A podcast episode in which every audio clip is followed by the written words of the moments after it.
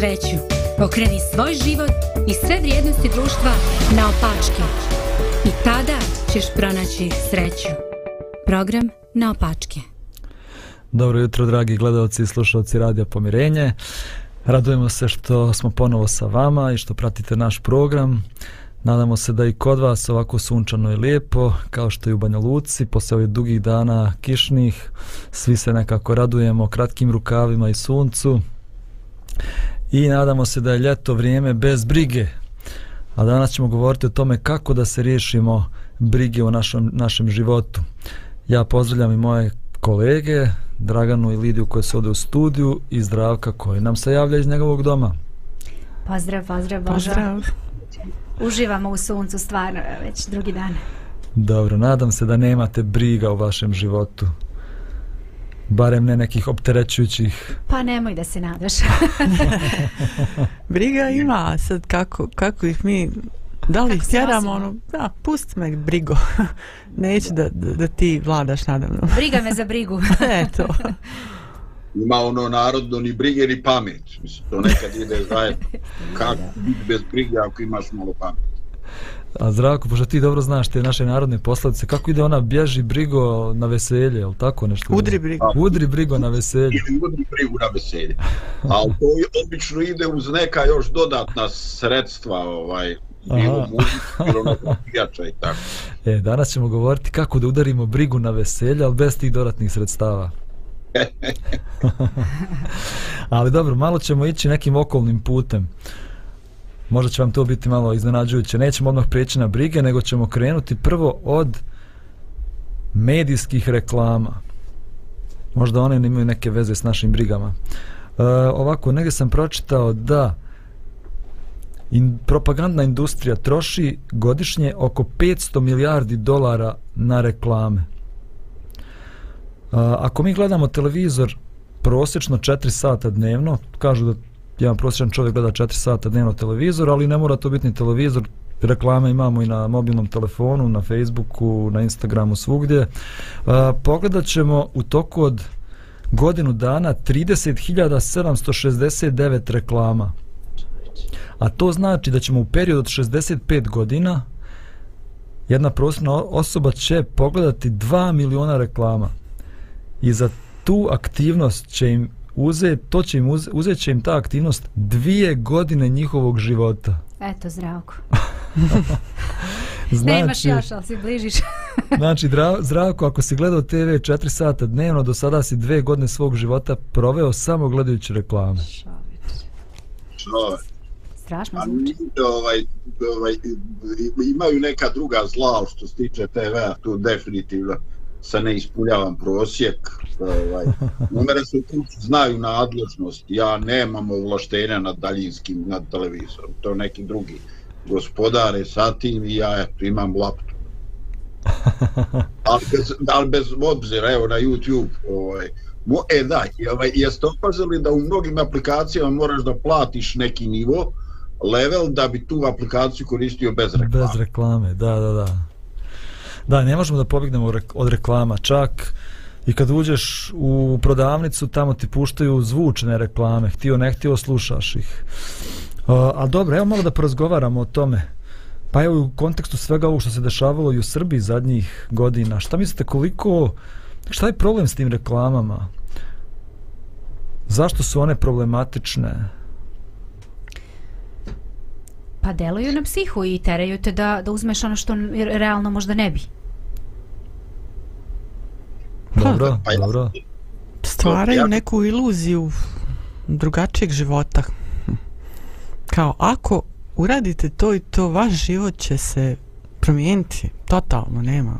Ono, morate da. to da uzmete. Evo, ja sam baš pripremala emisiju juče za Reset. E, to je inače naš program također koji radimo, pa eto, možda možete ovaj, otići također na Facebook, ukucati samo Studio Reset, pa ćete vidjeti naše emisije. A, znači, pripremila sam baš emisiju i baš ovaj, je bilo reći o, o tome, baš sam o tome, o tome ću govoriti u jednoj od emisije A koliko uh, ti gledaš emisiju, uh, ne emisiju, nego gledaš reklamu, ono fini, zgodni ljudi, super lepo izgledaju, a tamo služe se nekim čipsom ili šta je znam, kao ako hoćete društvo, zajednicu, ako hoćete da vam bude lepo, mi smo tu za vas, grickajte, tako mislim sad... Obična Coca-Cola ona ima takve, uvijek su takve e, reklame njihove. Znači, jedna nemaš, nemaš, nećeš imat prijatelje, nećeš imat društvo, nećeš da. imat fan u životu Zavoj, bez Coca-Cola. Bićeš totalno depresivan ja. ako ne, ne uzmeš yeah. Coca-Cola. A sve to će ti Coca-Cola donijeti. Čovječ, ovo, o, jesi ti plaćen za antireklamu? No? ovo je baš na stoku.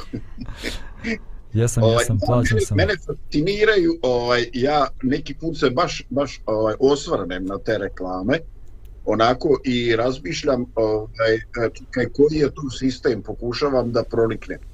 I ovaj, vidio sam do sada dva ovako principa koji se pojavljaju kao obrazac. E, jedan je neočekivani broj ponavljanja ovaj, koji ide u nekoliko. Znači, e, šta, zašto to tebi treba?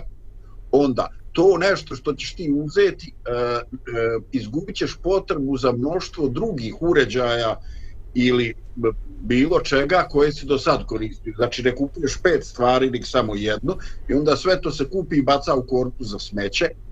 Ovaj, I e, na, znači neobičan broj ponavljane reklame i jako često igra se na čovjekovu ovaj, e, sujetu.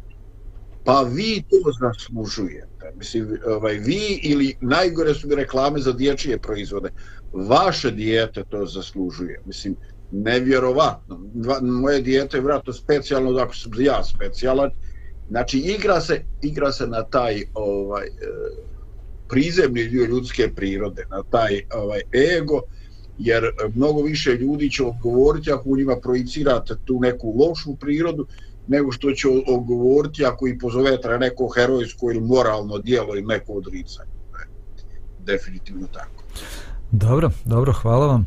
Evo ja ono što sam, što ja sam ja zaključio, što mogu da primijetim, šta je najveći problem te medijske industrije i svih reklama, jeste da nas oni ubjeđuju da je smisao života skupiti što više materijalnih dobara i stvari, I onda mi naporno radimo da kupujemo što više stvari koje će nas učiniti sretnim, zato što vjerujemo da su te stvari ono što nam donosi sreću u životu.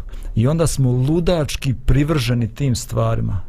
Znači, to je totalni krah ako izgubiš nešto, neku stvar, ako izgubiš auto, ako izgubiš telefon, izgubiš nešto materijalno, više život kao da više nije sretan i da ne može da bude sretan. I sve ovo je jedna ogromna laž i obmana iza koje stoji propagandna industrija, a njen jedini cilj je naravno profit. Uh,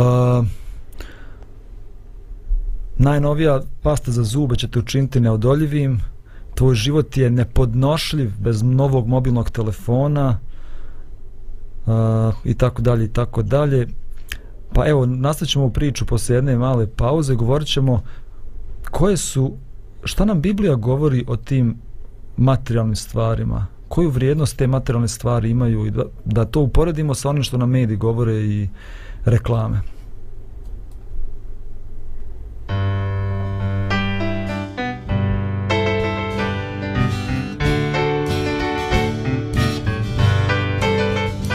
Ako nosiš teret svoj i osjećaš nemir sad, ako sve izgleda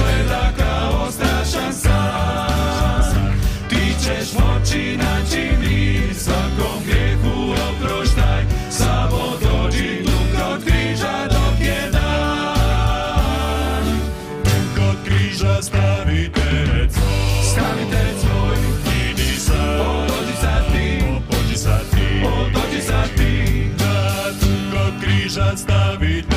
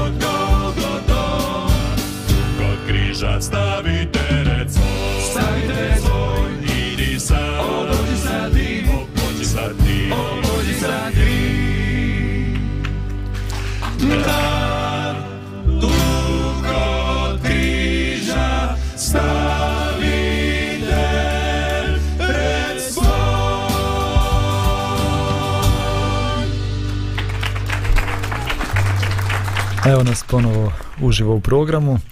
Razgovaramo o brigama, ali smo počeli temu o tome šta nam mediji i reklame u mediji, kroz medije govore, šta je to što donosi stvarni smisao našem životu i sreću našem životu i da li su to stvarno materijalna dobra i stvari koje kupujemo. Uh, pa evo već smo o tome malo prodiskutovali, ajde da sad pređemo na to šta nam sveto pismo govori o tome šta nas čini srećnim u životu i da li Biblija ima išta da nam kaže o ekonomskim pitanjima. Mnogi ljudi smatraju da Biblija nema ništa da kaže o ekonomskim pitanjima. A, pa evo, ne znam šta vi mislite, iako ima nešto da kaže, kako se to razlikuje od onog što nam reklame govore.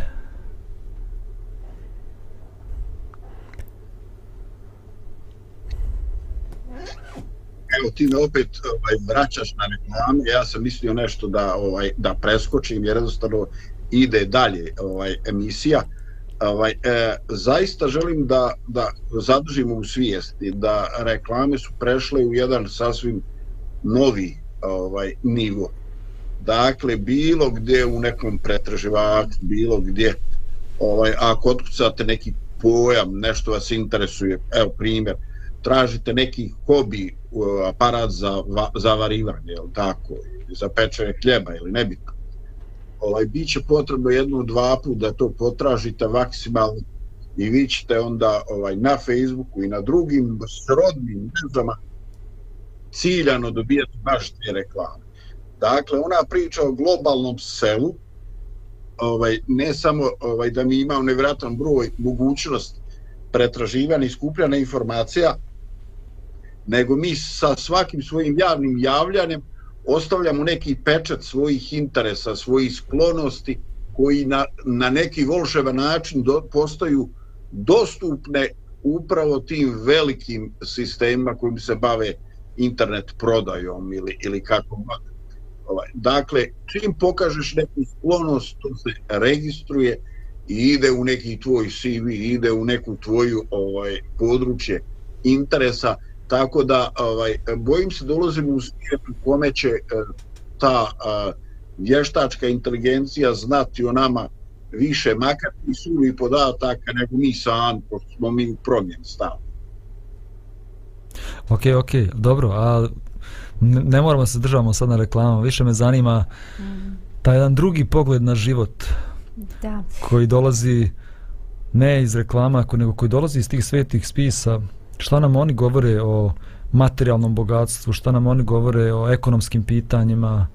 Da, sad kad postavljaš to pitanje, evo ja sam se setila a, starozavetnog teksta A, znači, a, ako ste čitali tamo u, u Mojsijevim knjigama, a, baš je bilo reči o tome i to je meni baš bilo vrlo, vrlo zanimljivo i, i, i drago da to čujem, da je Bog, Bog svom narodu, jevrejskom narodu govorio kada radiš na njivi, znači kad skupljaš pšenicu, šta god već, nije možda ni pšenice bilo više, bilo drugih ovih a, kultura, kaže, nemaj sve da pokupiš, nemoj sve, nego kaže ostavi namerno um, malo, jer kaže seti se da ima i siromaha i onog Udovica. gljastog udovica, ovakvih, onakvih, znači neki koji možda ne mogu sami sebi da obezbede, da oni mogu to da pokupe.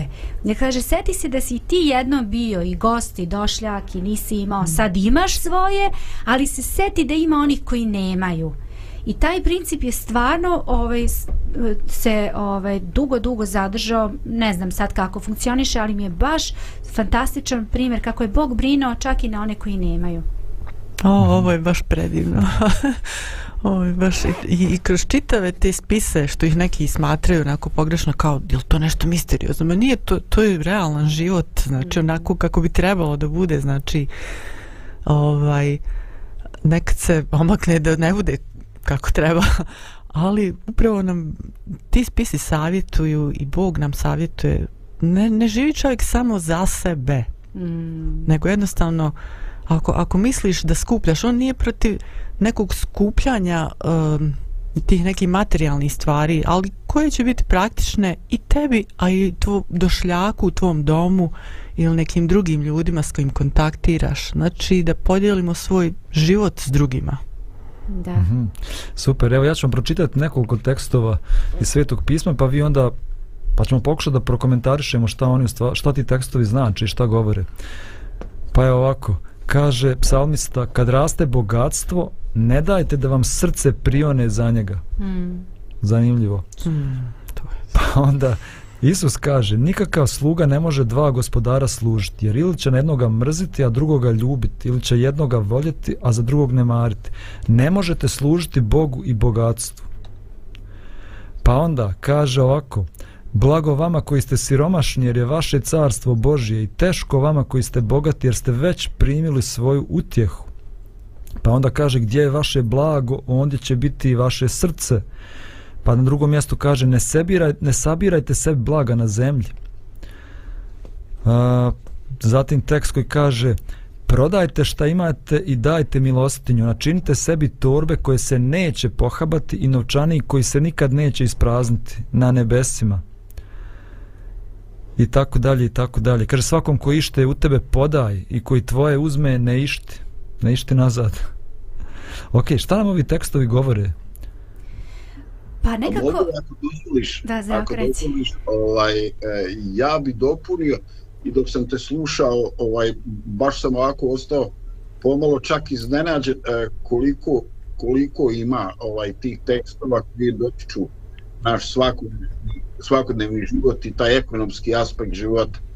Ovaj, no postoje neki opšti principi. Jedan i nalazim u knjizi Mojsiju ili knjizi Musovoj, ovaj, e, gdje se s jedne strane neke stvari pesimistično postavljaju i kaže u znoj lica svojega ješćeš hljeb dok se ne vratiš u zemlju od koje si sazdan. Dakle, jednostavno prva poruka je e, ne može to proći bez muke. Dakle, ovaj, nemojmo stvarati nikvu famu, pogotovo nemojmo prenositi je djeci da će bilo šta se značajno desiti, a da bez nekoga napora ovaj muke. Ovaj drugi princip koji ovaj pronalazim uh, jeste uh, bolje je pregršt u miru nego mnoštvo uh, u nemiru i sa lošom savješću. Dakle, uh, ne, više ne znači po svetim spisima uvijek bolje, ovaj, nego je uvijek tu faktor uh, koliko si izgubio sebe, koliko imaš duševni mir. Da li si to što si stekao previše ovaj uložio i na neki način uskratio ovaj sebi život. Dakle, je jednostavno posle uh, svih ovih stigova, Božo koje se ti čitao, eventualno koji sam ja pokušao da dodam, uh, jedno je jasno. Sveto pismo ovaj nevjerovatno uh, opširno obrađuje ovu temu kao bitan aspekt našega, našega života. Iako su neke od tih izjava ovaj simbolične, ovaj definitivno nije tu sve tako uh, kako bi čovjek u nekom svom egoizmu u startu pomislio. Hvala ti. Hvala vama.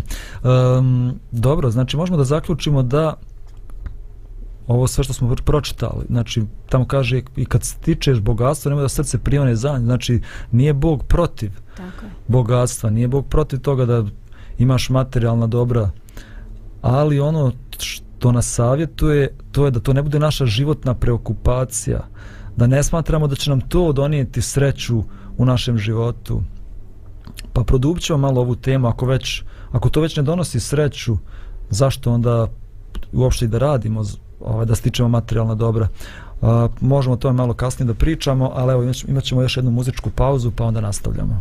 Može.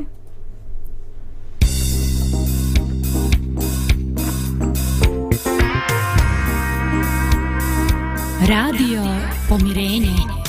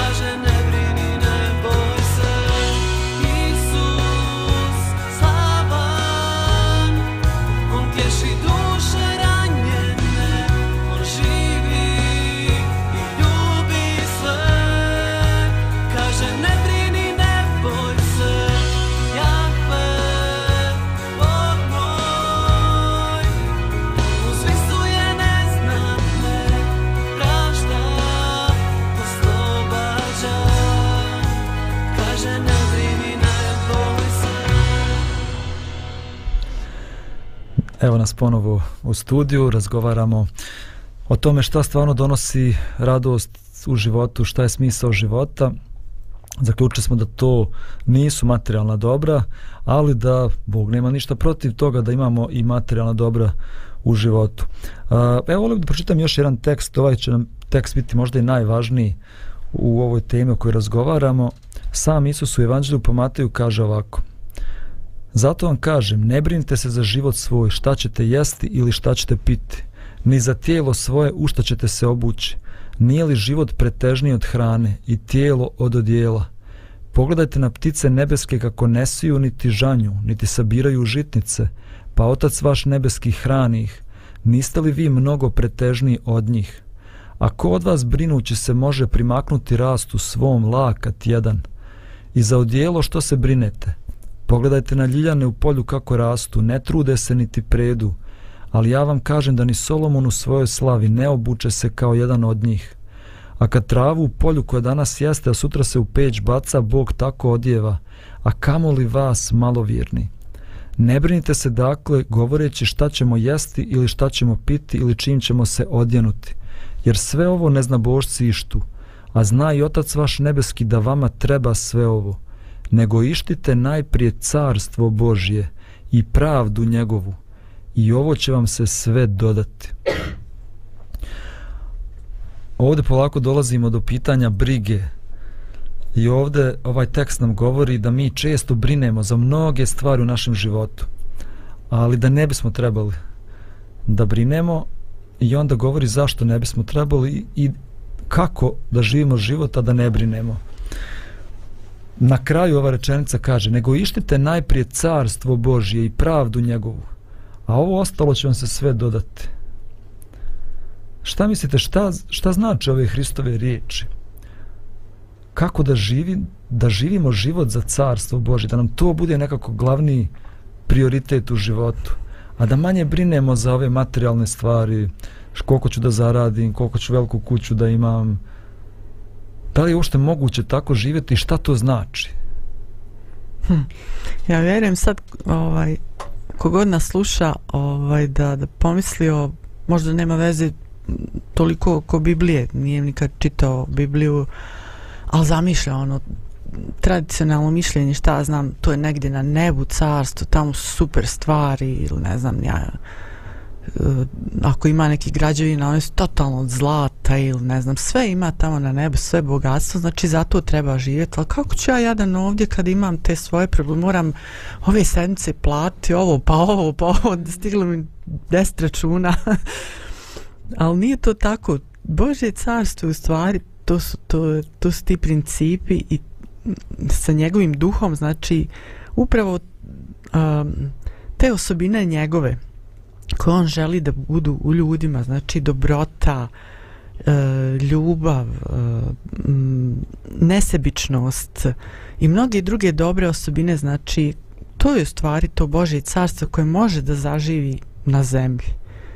I ovo što je, što je Isus rekao isto, brinite se, što je Bog rekao, znači brinite se, fokusirajte se na, na prvenstveno na to, na te osobine, A ovamo, ne brinite, ja ću se brinuti o vama. Što se tiče tog e, materijalnog aspekta, to nije da, da skidam sa vas odgovornost, da vi ne trebate ništa, sam da ležite da maštate o tome, nego radite i vi, ali to nek ide neko drugo, treće, deseto mjesto. Prvo vam je ovo, da se fokusirate, da, da zavolite ta, tu mogućnost da, da, da te osobine stvarno mogu biti u vama i drugim ljudima i da se stvarno može tako živjeti. Mm, baš bila dobra. Super, super, Dragana. Pa ti si to možda već spomenuo, ovaj, ključnu riječ, a očito da je to riječ ovaj, eh, prioritet. Ovaj, dakle, kako smo poredali prioritete u našem životu. I drugo, nisam siguran da je na prvu jasno ovaj, e, punina značajna ova riječ ovaj, brige. E, brige se mogu posmatrati kao odgovorni pristup prema životu. Dakle, jednostavno, one resurse, onu platu koju su dobio za ovaj mjesec, mi učimo ovaj djecu da prave budžet, da odgovorno to ovaj rasporede. Da ne bude nešto, eto, 5 dana, sad onda 25 dana sam jadu ovaj, čekam, hoćemo se negdje nešto ogrebati, kao što mi volimo reći u ovim krajima. Dakle, e, to nije ta briga, to sigurno, kao što rekla i Dragana, ne isključuje odgovornost materijalnu prema svemu. Ali mislim da se ovdje riječ brige koristi u onom smislu kako sve to pismo kaže tjeskovna briga. Znači nešto, e, ne u čemu se mi brinemo pa činimo nešto, nego ovaj, e, brinemo se onda kad bi trebalo da spavamo Dakle, mi smo opterećeni, mi imamo tonus, mi, mi smo stalno u, pod nekim tenzijama, jer nas opterećuju kako će to sve ispasti. A uglavnom u životu ne ispadne onako kako smo mi kombinovali na neki x sasvim, sasvim drugi način. Tako da, ovaj, e, mislim da te dve stvari treba uvijek imati na umu. Ali ono što mene e, u ovim riječima koje se čitao jako fascinira, a to je ovaj kad su prioriteti ispravno poredani, to očito ostavlja pro, čovjeku prostora da bude kreativan. A to je, brinite se za carstvo, e, brinite se da ispravno poredate prioritete i vrijednosti u vašem životu. A ove stvari e, će vam se dodati kao bonus. Pogledajte, znači može se živjeti život da nam či ne bude čitav život briga kako ćemo platiti račun možemo se brinuti za neke ljepše, plemenitije stvari, a da ovo ide nekako svojim tokom, eto rješava se. Ne moramo nikad postati bogati, ali očito je da Sveto pismo sugeriše da postoji način da se to rješava usputno dok se bavimo nekim krucijalnim i najvažnijim stvarima. Super, super. Evo jedan, jedna priča moja, juče sam, ovih dana sam tako baš jako zauzet, baš oko nekih stvari koje moram da radim, te materijalne stvari, ne znam, mjesto gdje moja mama živi, više neće da živi, sad treba da nađe novo, novo mjesto, novu kut, novi stan i ja tako već tri dana oko toga i sve to ugovori, novci, ne znam, nija, i hodam, hodam kroz grad i prolazim pro, prolazim kroz jedan park i čujem ptice crkuću, onako sunčan dan, ptice crkuću, to drveće tako fino, zeleni se procvjetalo, ja se pomolim, kažem, gospode, pomozi da ove stvari, sa što radim, me ne spriječe da ja ne vidim i ne čujem cvrkut ovih ptica i da ne vidim ovu ljepotu tvoju oko mene. Eto i tad sam sam sebi rekao, shvatio u stvari šta znači tražiti najprije carstvo Božje. Da, Nema... neki, kaži, kaži. Da, da, izvoli, izvoli, Dragana. Pa, osjetila sam za ovo, naš, pričali smo nedavno i onom drveću, kako je ono nesebično. Mm. Ali napomenuli smo i to da drveće nema savjesti, razum, ali pod Božim vodstvom ono, ono radi to što, zašto je stvoreno u stvari. Ono dijeli sebe sa drugima i pomaže drugima. A mi zovemo sebe pametnim, razumnim stvorenjima, ali, ali ali ipak treba odabrati između dobra i zla, to je naš problem. ja mislim da čak nije ni toliki problem da mi s vremena na vrijeme dođe ti onako okupirajte neke stvari ti se onako baš zabrineš kako će sve to mm. ići i funkcionisati. Mislim da je to neki prirodan tok nekih stvari u, u životu, ali onako u tim trenucima se trebamo setiti. Ne znam ja uvek imam ne znam kako vi ali kad god čitam ovaj taj tekst eh, ne brini se ne brini se. Ja kao zamišljam kao da sedim pored mame ili pored tate i sad pričam o nekim stvarima i onda mama i tata kažu ne brini se biće to dobro polako rešit ćemo. Nekako i onako on, onaj osjećaj olakšanja nekako Znaš, kad ti to roditelj kaže, nemoj brinuti ništa, bit će sve dobro. Nekako ti odjednom sve bude lakše. E ja tako se osjećam kad čitam ove tekstove.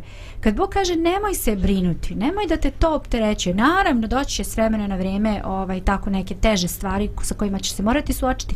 A nemoj da brineš, ja sam uz tebe. Sve ćemo rešiti. Dobro, super. Ajde napravimo još jednu malu pauzu, pa ćemo onda da razgovaramo o tome, a kako stvarno da znamo da mi u našem životu tražimo carstvo Božje, da nam je to glavni prioritet.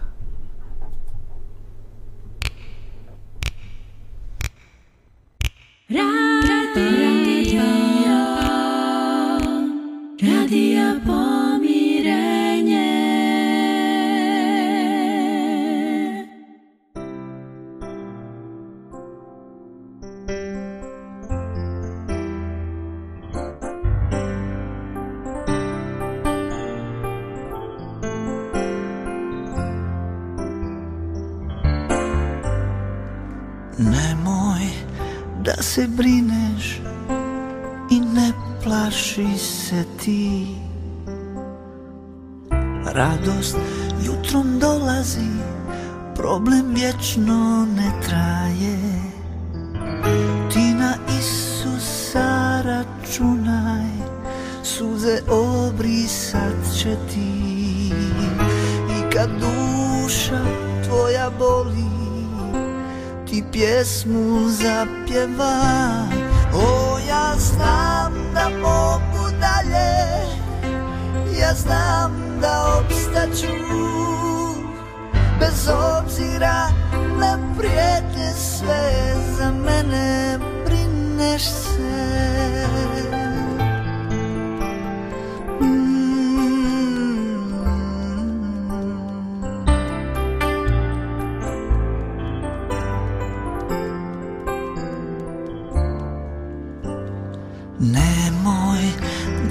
Da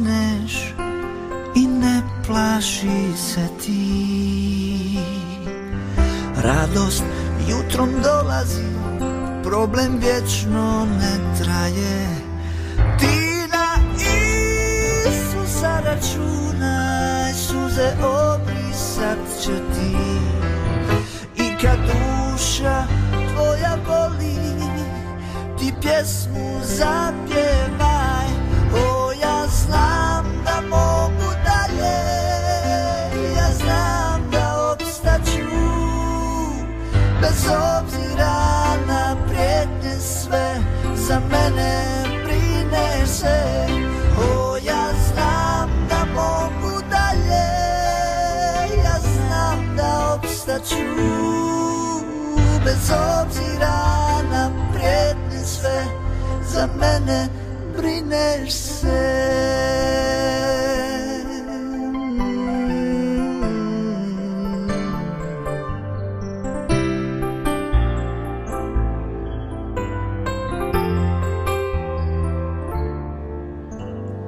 Kada kušnja dolazi Kada možda slab si ti.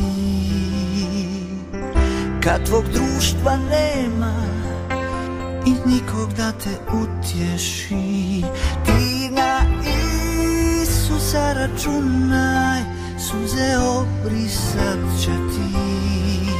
I kad duša tvoja boli Ti pjesmu zapjevaj.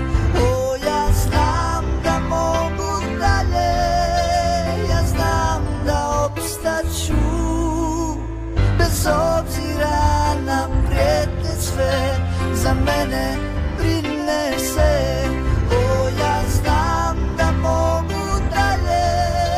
Ja znam da opstaću Bez obzira na prijetnje sve Za mene brineš se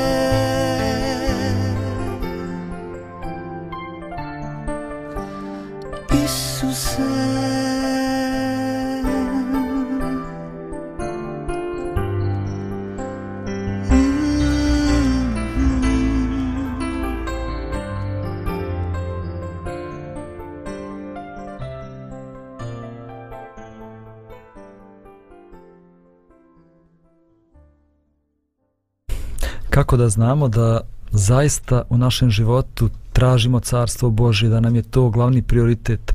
Tekst koji smo čitali nam kaže da je nestanak brige jedan od unutrašnjih dokaza da tražimo najprije carstvo Božje. Znači, ako brinemo, još uvijek nismo u potpunosti tragaoci za carstvom Božjim. Nismo potpuno, da nam je to glavni prioritet u životu. A, kako doživjeti tu unutrašnju realnost bez brižnosti, nestanka brige. Ja sam ovdje napisao tri neka stava. Tri stava koja će nam pomoći da se oslobodimo brige, barem u velikoj mjeri. Prvi stav, ono što imam primam kao dar od Boga. Drugi stav, za ono što imam brine se Bog. I treći stav, ono što imam dostupno je drugima. Šta mislite kako nam ova tri stava mogu pomoći da se oslobodimo brige? Evo prvo možemo ovo prva prva stvar ono što imam sam dobio kao dar od Boga. E, To je ono, Zašto je to važno? Da, ono o čemu sam baš malo pre sa Draganom u pauzi razgovarala i, i rekla pa čak i materijalna dobra koja imamo i sve što imamo, ako ih prihvatimo kao dar od Boga, kao nešto što možemo upotrebiti ne samo za nas, mi možemo skupljati samo za nas i da mi imamo što više, mislim mi ne, realno mi, ovaj, a ljudi koji možda nemamo baš toliko materijalnih, imamo da, da živimo, da preživimo, ali govorim sad o ljudima koji stvarno imaju, znači ja mislim da je to isto dar, da si dobio ili dobila i da trebaš da iskoristiš, uh, da pomogneš drugima, da utičeš u društvu, da, da napraviš neku promjenu koju o, mi ostali ne možemo.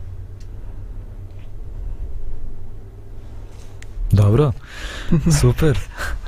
A, znači, ako ja mislim da ono što, sam, što ja imam, da sam ja to stekao, da sam ja to zaradio, pa onda normalno ću budem toliko privržen tome, toliko ću da čuvam to, da branim to, da brinem o tome, ali ako znam da je to sve dar, kao što, kao što zavisim od Boga za one najosnovnije stvari u životu, a to su vazduh, voda, hrana, pa tako i sve ostalo što imam u životu, to je dar Božje, blagodati, ljubavi u mom životu. Ako to shvatam, onda neću toliko biti privržen svemu tome, jer to nije moje. Mislim, nisam ja to stekao, to je poklon koji sam dobio od Boga. Pa onda za ono što imam brine se Bog. Koliko je to važno da za nestanak brige u životu? Koliko mi brinemo ne znam ni ja ja sam sve zaključio, ja sam stavio pet katanaca, jel, tri puta se vraćam kući da vidim jesam zaboravio da zaključam vrata. Ali saznanje da Bog se brine o, o našim materijalnim dobrima, koliko to možda nam pomogne da živimo bezbrižno? Bože, pa ja ne znam, razmišljam ova tvoja tri ovako kratka teksta. Mogu treći da su ova prva dva povezana i da mi je ovo ovako u full. Znači, Bog ti dao, Bog se brine. Nije ti dao da bi ti ostao bez A opet, Bog može i kušati čovjek.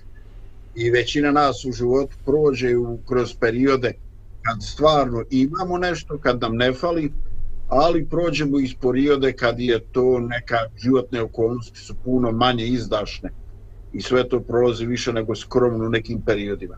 Dakle, čak postoji u našem narodu jedna ovaj e, kletva kao da Bog da imao pa nema.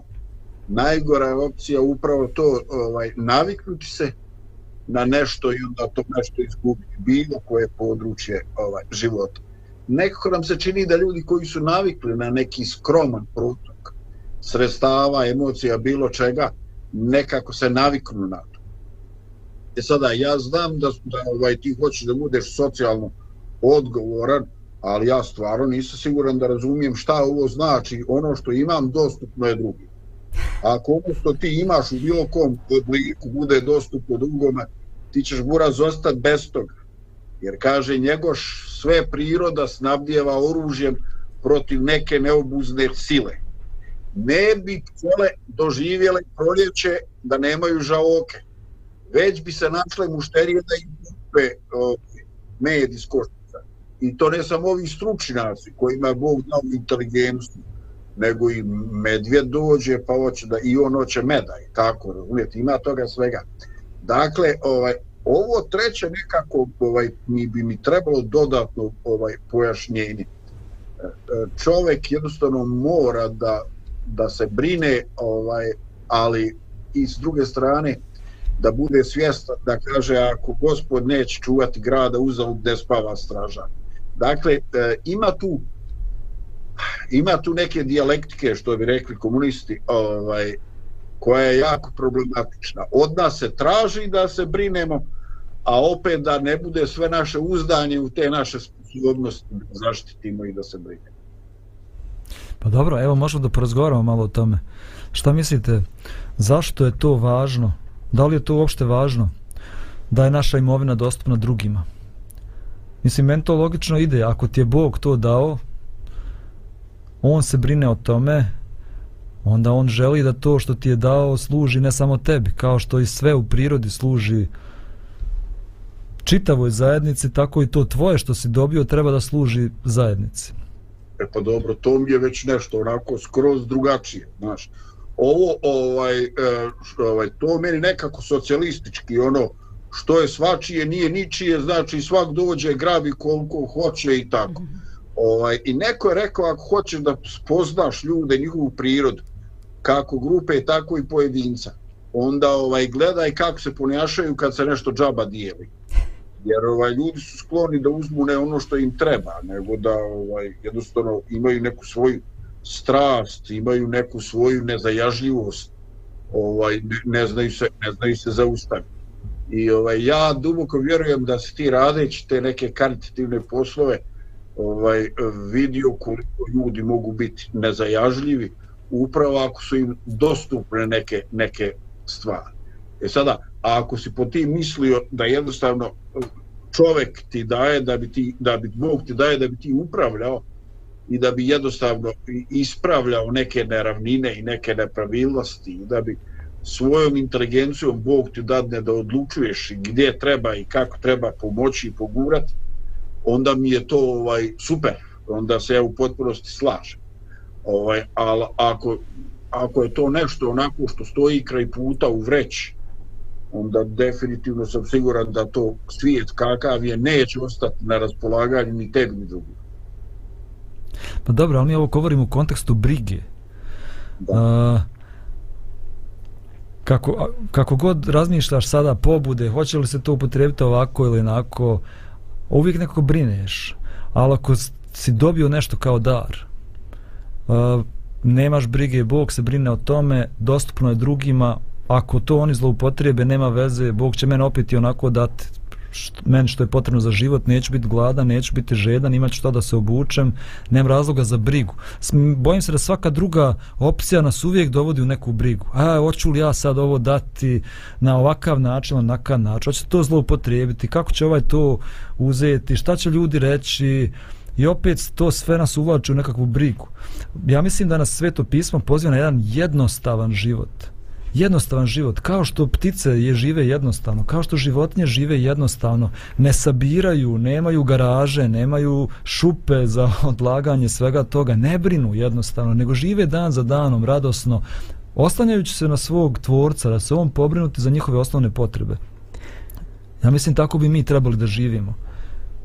Ovaj, meni sad pada nešto na pamet, kad sam tebe sad slušala ove, znaš, te riječi koje, koje mi često upotrebljavamo, znači, ili mislimo, nismo ni svjesni toga, znači, um, meni će biti dobro, znači, ja ako dam, ok, neću se brinuti, meni će opet Bog dati, znači, te riječi ja, meni, uh, moje, sve nešto je fokusirano na mene, ja, ja, ja. I ovaj, to je u stvari taj naš problem pogrešnog fokusiranja. ovaj, nije to samo kad mi pročitamo nešto iz Božje riječi pa se eto utješimo, aj bit će mi dobro. Mislim, dobro je da se utješimo. Ali ako ja stalno razmišljam u tom kontekstu slušat ću Boga zato što će meni biti dobro, on će, me, on će me blagosiljati, mene će blagosiljati, zato ne trebam da se, nije to razlog da se ne trebam brinuti, nego jednostavno i to što se zadnje rekao, uh, u ve, brige u vezi uh, Eh, kad ja raspodjeljujem to, dajem, dijelim sa drugim ljudima, znači, ali se brinem, jo, je ovo, je ovo, je ovo, i onda negdje u podsvijesti se javlja, znači, moja odgovornost, ja sam ta koja daje osobi, ako neko mi traži, ne znam, dođe neka siromašna osoba pokuca na vrata, joj dajte mi molim vas ovo, ja joj dam 10 mar, joj sam ja dobro postupla, joj nisam, nisam bila odgovorna prema novcu, ovo znaš, treba to bolje. Opet sam ja tu, moja odgovornost, ali poent point ove priče da čovjek ima svoju odgovornost kao čovjek, ali ima neko veći od čovjeka koji je moćniji, ima svoju odgovornost, mi ne možemo biti božanstvo. Mi smo ljudi i to je što jesmo. Znači, budimo odgovorni kao ljudi i eto, to je to. Jednostavno. Ja, hvala Dragana, ti si, baš, ti si to baš razvila sada i do nekih većih dubina. Moja prva ideja bila da mi često ne, ne dajemo svoju imovinu drugima jer se mi plašimo. Ako sad ja dam, a imam malu platu, ne znam nija, kako ću ja da preživim? Pa da. Svaki mjesec pravimo budžet i sve to ono usko, nema tu prostora sada da ja mogu da odvojim 100 maraka, 200 maraka negdje. I onda se mislim sada ako ja dam 300 maraka, pa kako ću ja do kraja mjeseca da preživim? Ali ovdje dolazimo priču o fokusu na carstvo Božje, a to carstvo Božje za, se zasniva na karakteru našeg nebeskog oca, koji je otac ljubavi, koji se brine za svoja stvorenja. Znači, mogu ja da imam povjerenja, ako ja dam, da ja neću ostati gladan, da će se Bog pobrinuti za moje potrebe. Ali onda, naravno, još dublje od toga i dalje od toga je da budem potpuno nestan sebe. Znači, E, da gledam samo na druge ljude, ne mislim o sebi uopšte. I ta riječ povjerenje, to je dobro rekao. Mi često nemamo povjerenje u sebe da možemo uraditi mnoge stvari. Možda se i zato brinemo. ja bih možda sad eh, raz, slušam vas i razmišljam, ok, hajde da možda razmišljamo u kontekstu tog jednog ručka koji napravimo. Kako je lepo podeliti ručak sa nekim. Znači onako, ja, ja sad moram da mislim, pa šta ću da skuvam, pa kako ću ja to da postavim. Sve je to manje važno. Kad ti pozoveš nekog, pa onda to bude druženje, pa kažeš, e, ja to što imam delim sa nekim i taj neko bude zadovoljan i Ovaj, to, to je nešto stvarno, mislim da od toga stvarno većina nas, ako, ako ne i svi, možemo da, da krenemo i da bar to nešto uradimo, znači od sebe, da, da delimo ono što imamo sa drugima, pa eto, bar jedan ručak. ok, super. super, super. Dobro, ajmo još jednu malu muzičku pauzu pa ćemo onda da kažemo nešto o nekim praktičnim stvarima, kako tu unutrašnju jednostavnost možemo da iskazujemo u našem životu. Može?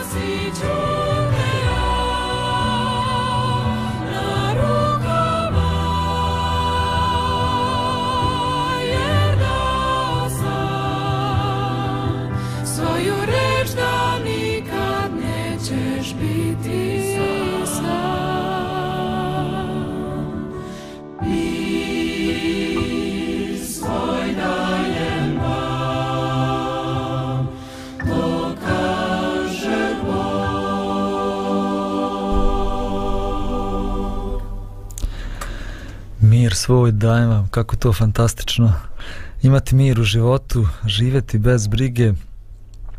Govorili smo malo o tim nekim unutrašnjim osobinama jednostavnosti, kad ne težimo materijalnim samo dobrima, kad težimo najprije carstvu Božjem. A sad ćemo malo da kažemo nekoliko stvari, praktičnih primjera, kako to da iskažemo u našem realnom životu. Ja sam ovdje napisao, kupujmo stvari zbog korisnosti, a ne zbog statusa. Znači mi često kupujemo stvari, pogotovo mobilne telefone, ne zbog njihove korisnosti, nego zbog prestiža. Kupimo telefon koji košta 500 maraka, a na kraju ne koristimo ni pola funkcija tog telefona. Koristimo Viber, Facebook, većinu tih drugih funkcija koji taj, zašto taj telefon košta 500 maraka mi uopšte ne koristimo, ali eto to je stvar prestiža. Pa onda odjeća. Koliko odjeća imamo u ormaru koju uopšte ne nosimo? Kod mene isto puno ormar. Ja imam neke stvari koje svaki dan nosim, imam neke stvari koje nikad ne oblačim uopšte. Ne kupujemo odjeću zato što, ne kupujemo je zato što nam treba, već zato da bismo išli u korak sa modom. Nosimo odjeću sve dok se ne pohaba. Što ne bi nosilo odjeću skoro da se ne pohaba? Prestanimo sa pokušajima da impresioniramo ljude svojom odjećom. Umjesto toga impresioniramo ih svojim životom. Šta mislite o tome? Šta još kupujemo, a da je stvar prestiža, a ne korisnosti? Sam podsjeti, ovaj, ima na, na YouTube, to sam nedavno otkrila prije dva, tri mjeseca, ovaj, naišla sam slučajno tako na jedan video, i, ali ima toga još, znači, drugih uh, ovih autora koji su to Uh, znači svako snima iz svoje kuće i govore o toj istoj temi, znači cluttering, znači uh, skupljanje tih stvari bez obzira po kući, znači o čemu se radi, iz kojeg razloga.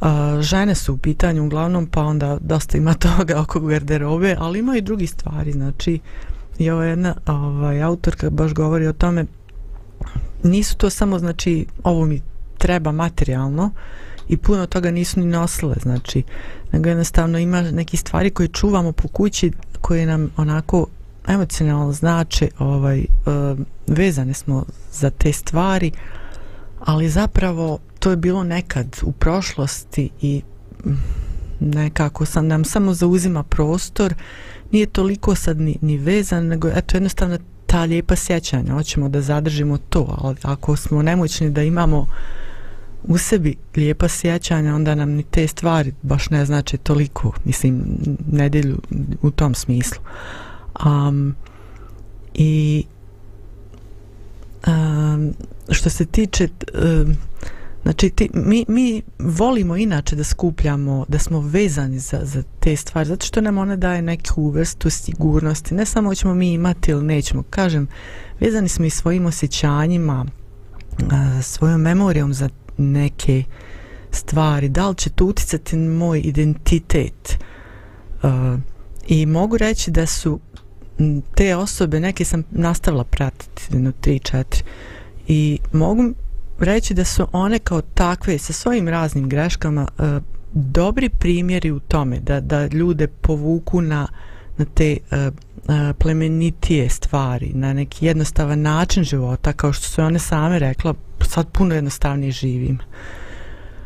A kako ljudi tek koje, koji imaju neke veće vrijednosti, kako mogu biti još bolji primjeri drugima? Mm -hmm. ja, ću, evo, ja ću, na, nastavit ću baš u ovom pravcu kome ti ideš, ti govoriš o tom cluttering i stvarima koje nam ne trebaju. Na, naučimo da uživamo u stvarima, a da pritom ne moramo da ih posjedujemo. Mi smatramo da ne možeš da uživaš ni u čem ako to ne posjeduješ. A to je iluzija. Možemo da uživamo mnogim stvarima u životu, a da ne moramo da ih posjedujemo.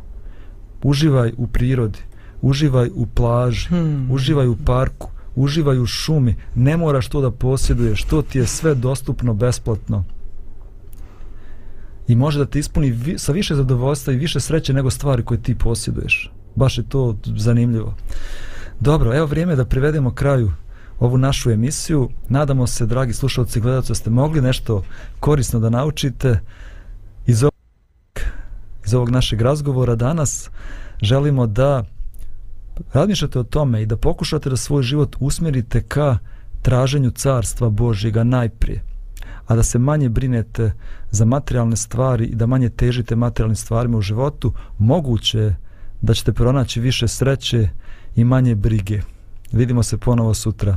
Prijatno.